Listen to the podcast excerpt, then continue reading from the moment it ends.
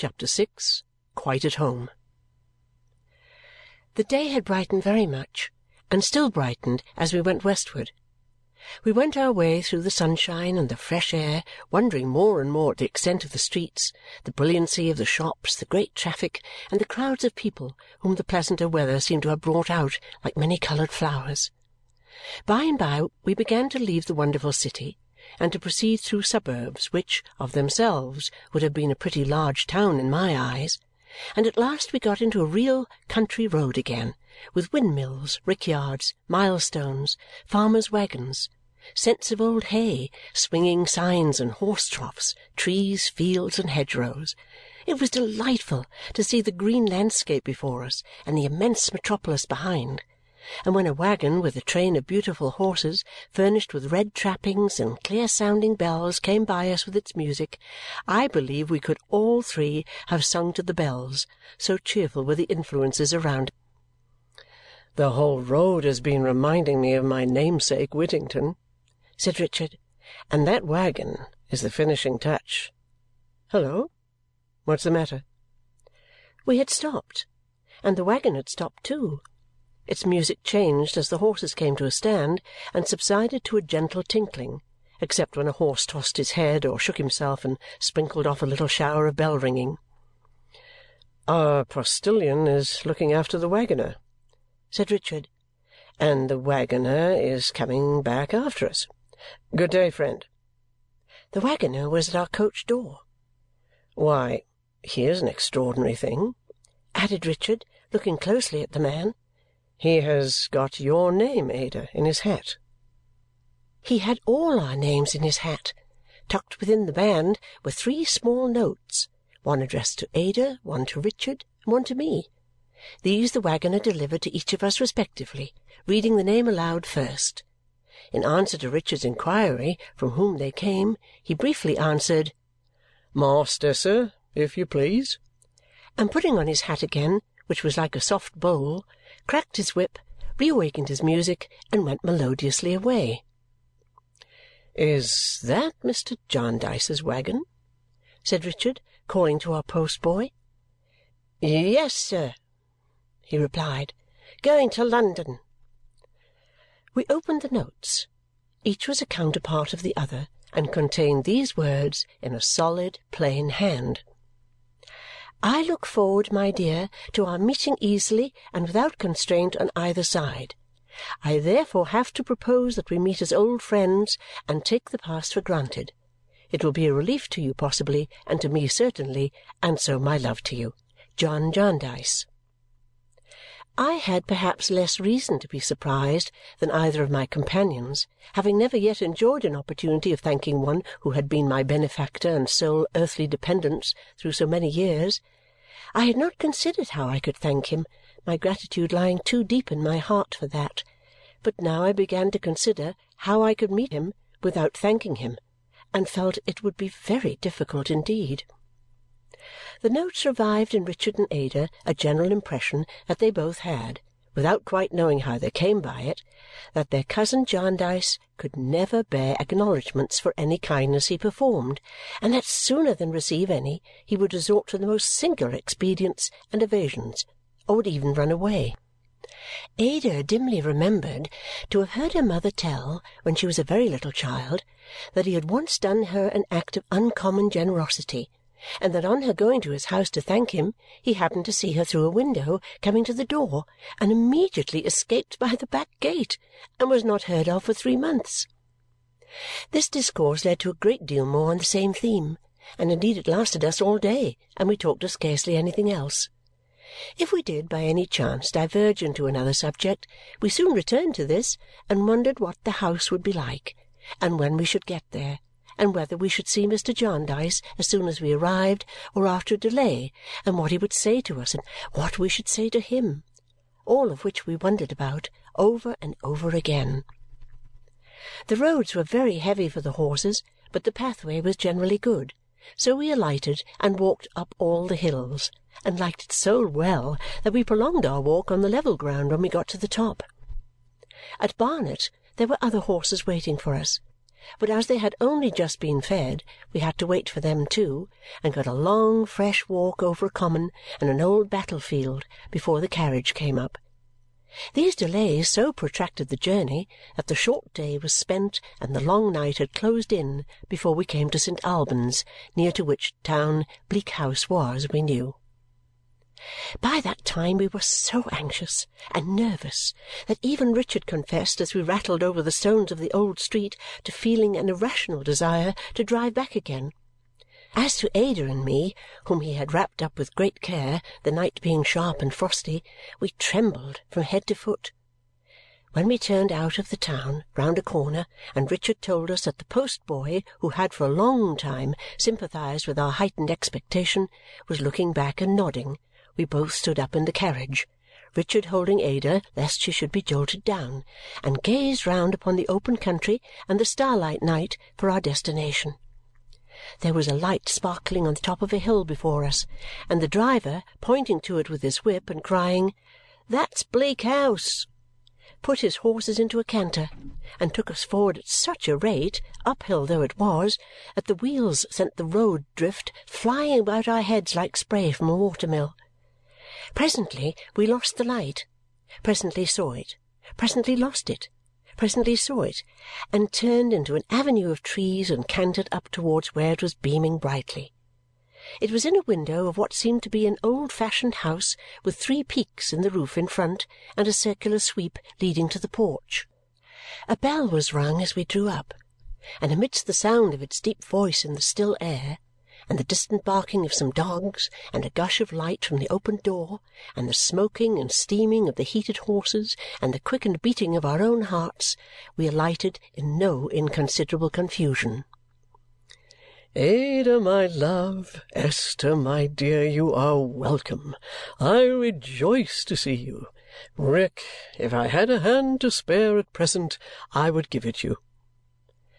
The gentleman who said these words in a clear, bright, hospitable voice had one of his arms round Ada's waist and the other round mine, and kissed us both in a fatherly way, and bore us across the hall into a ruddy little room, all in a glow with a blazing fire. Here he kissed us again, and opening his arms, made us sit down side by side on a sofa ready drawn out near the hearth. I felt that if we had been at all demonstrative, he would have run away in a moment. "Now, Rick," said he, "I have a hand at liberty.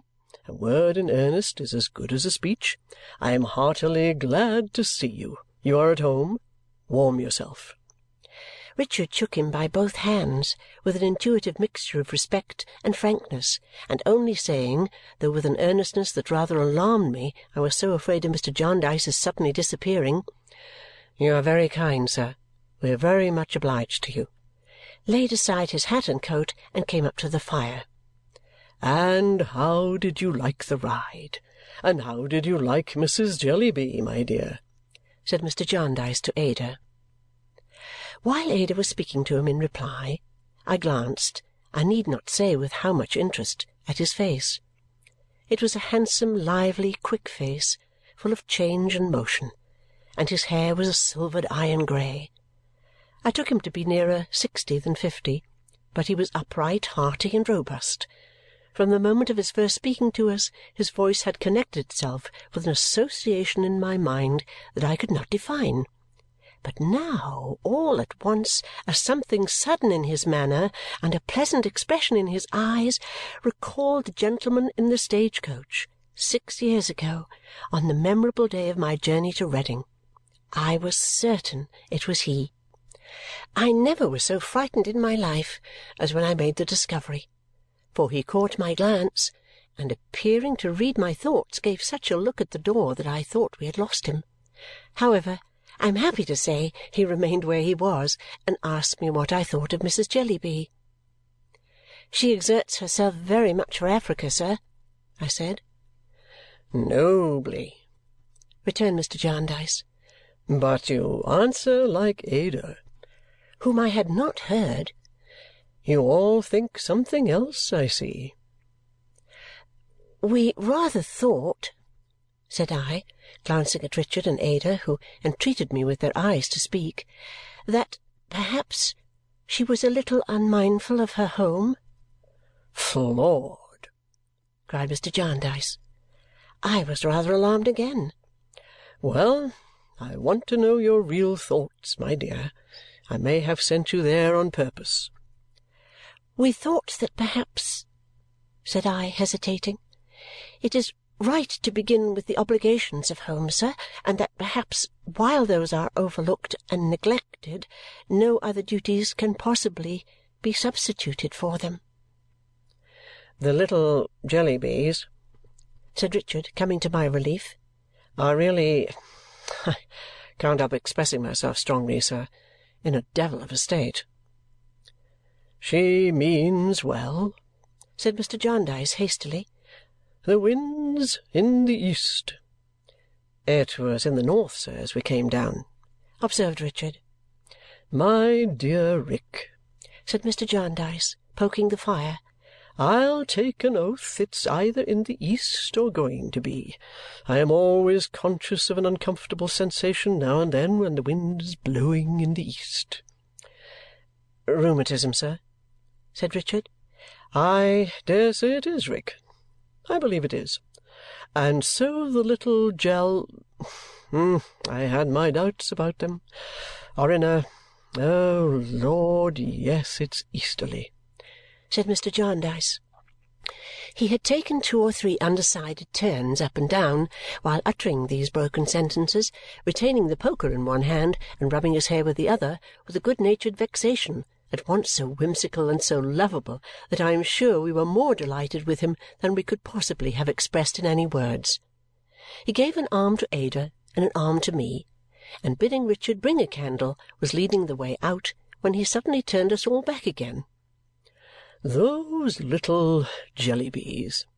Uh, couldn't you didn't didn't you now if it had rained sugar plums, or three-cornered raspberry tarts, or anything of that sort," said Mr. Jarndyce. "Oh, cousin!" Ada hastily began. "Good, my pretty pet. I like cousin. Cousin John, perhaps, is better." "Then cousin John," Ada laughingly began again. "Ha, ha, ha! Oh, very good indeed! said Mr. Jarndyce with great enjoyment. Sounds uncommonly natural. Yes, my dear. It did better than that. It rained Esther. Aye? said Mr. Jarndyce. What did Esther do? Why, cousin John, said Ada, clasping her hands upon his arm and shaking her head at me across him, for I wanted her to be quiet. Esther was their friend directly. Esther nursed them, coaxed them to sleep, washed and dressed them, told them stories, kept them quiet, bought them keepsakes. My dear girl, I had only gone out with Peepy after he was found and given him a little tiny horse. And, cousin John, she softened poor Caroline, the eldest one, so much and was so thoughtful for me and so amiable no, no, I won't be contradicted, Esther dear. You know, you know it's true. The warm-hearted darling leaned across her cousin John and kissed me, and then, looking up in his face, boldly said, At all events, cousin John, I will thank you for the companion you have given me. I felt as if she challenged him to run away, but he didn't. Where did you say the wind was, Rick? asked Mr. Jarndyce. In the north as we came down, sir. You are right. There's no east in it. A mistake of mine. Come, girls, come and see your home. It was one of those delightfully irregular houses where you go up and down steps out of one room into another, and where you come upon more rooms when you think you have seen all there are and where there is a bountiful provision of little halls and passages, and where you find still older cottage rooms in unexpected places, with lattice windows and green growth pressing through them. Mine, which we entered first, was of this kind, with an up and down roof that had more corners in it than I ever counted afterwards, and a chimney. There was a wood fire on the hearth, paved all around with pure white tiles, in every one of which a bright miniature of the fire was blazing. Out of this room you went down two steps into a charming little sitting-room, looking down upon a flower-garden, which room was henceforth to belong to Ada and me. Out of this you went up three steps into Ada's bedroom, which had a fine broad window commanding a beautiful view we saw a great expanse of darkness lying underneath the stars, to which there was a hollow window-seat in which, with a spring-lock, three dear Adas might have been lost at once. Out of this room you passed into a little gallery, with which the other best rooms, only two, communicated, and so, by a little staircase of shallow steps with a number of corner stairs in it, considering its length, down into the hall. But if instead of going out at Ada's door you came back into my room and went out at the door by which you had entered it and turned up a few crooked steps that branched off in an unexpected manner from the stairs, you lost yourself in passages with mangles in them and three-cornered tables and a native Hindu chair, which was also a sofa, a box, and a bedstead, and looked in every form something between a bamboo skeleton and a great bird-cage, and had been brought from India nobody knew by whom or when. From these you came on Richard's room, which was part library, part sitting-room, part bedroom, and seemed indeed a comfortable compound of many rooms. Out of that you went straight, with a little interval of passage, to the plain room where Mr. Jarndyce slept all the year round, with his window open, his bedstead without any furniture standing in the middle of the floor for more air, and his cold bath gaping for him in a smaller room adjoining. Out of that you came into another passage, where there were back stairs, and where you could hear the horses being rubbed down outside the stable and being told to hold up and get over as they slipped about very much on the uneven stones. Or you might, if you came out at another door every room had at least two doors go straight down to the hall again by half a dozen steps and a low archway, wondering how you got back there or had ever got out of it. The furniture, old-fashioned rather than old, like the house, was as pleasantly irregular. Ada's sleeping-room was all flowers, in chintz and paper, in velvet and needlework, in the brocade of two stiff courtly chairs which stood each attended by a little page of a stool for greater state on either side of the fireplace. Our sitting-room was green and had framed and glazed upon the walls numbers of surprising and surprised birds, staring out of pictures at a real trout in a case, as brown and shining as if it had been served with gravy, at the death of Captain Cook, and at the whole process of preparing tea in China, as depicted by Chinese artists. In my room there were oval engravings of the months, ladies haymaking in short waists and large hats tied under their chin, for June, smooth-legged noblemen pointing with cocked hats to village steeples, for October, half-length portraits and crayons abounded all through the house, but were so dispersed that I found the brother of a youthful officer of mine in the china-closet and the grey old age of my pretty young bride with a flower in her bodice in the breakfast-room. As substitutes, I had four angels of Queen Anne's reign taking a complacent gentleman to heaven in festoons, with some difficulty, and a composition in needlework representing fruit, a kettle, and an alphabet all the movables, from the wardrobes to the chairs and tables, hangings, glasses, even to the pincushions and scent bottles on the dressing-tables, displayed the same quaint variety. They agreed in nothing but their perfect neatness. Their display of the whitest linen and their storing up, wheresoever the existence of a drawer, small or large, rendered it possible, of quantities of rose-leaves and sweet lavender. Such, with its illuminated windows, softened here and there by shadows of curtains, shining out upon the starlight night, with its light and warmth and comfort, with its hospitable jingle, at a distance, of preparations for dinner, with the face of its generous master brightening everything we saw, and just wind enough without to sound a low accompaniment to everything we heard, were our first impressions of Bleak House.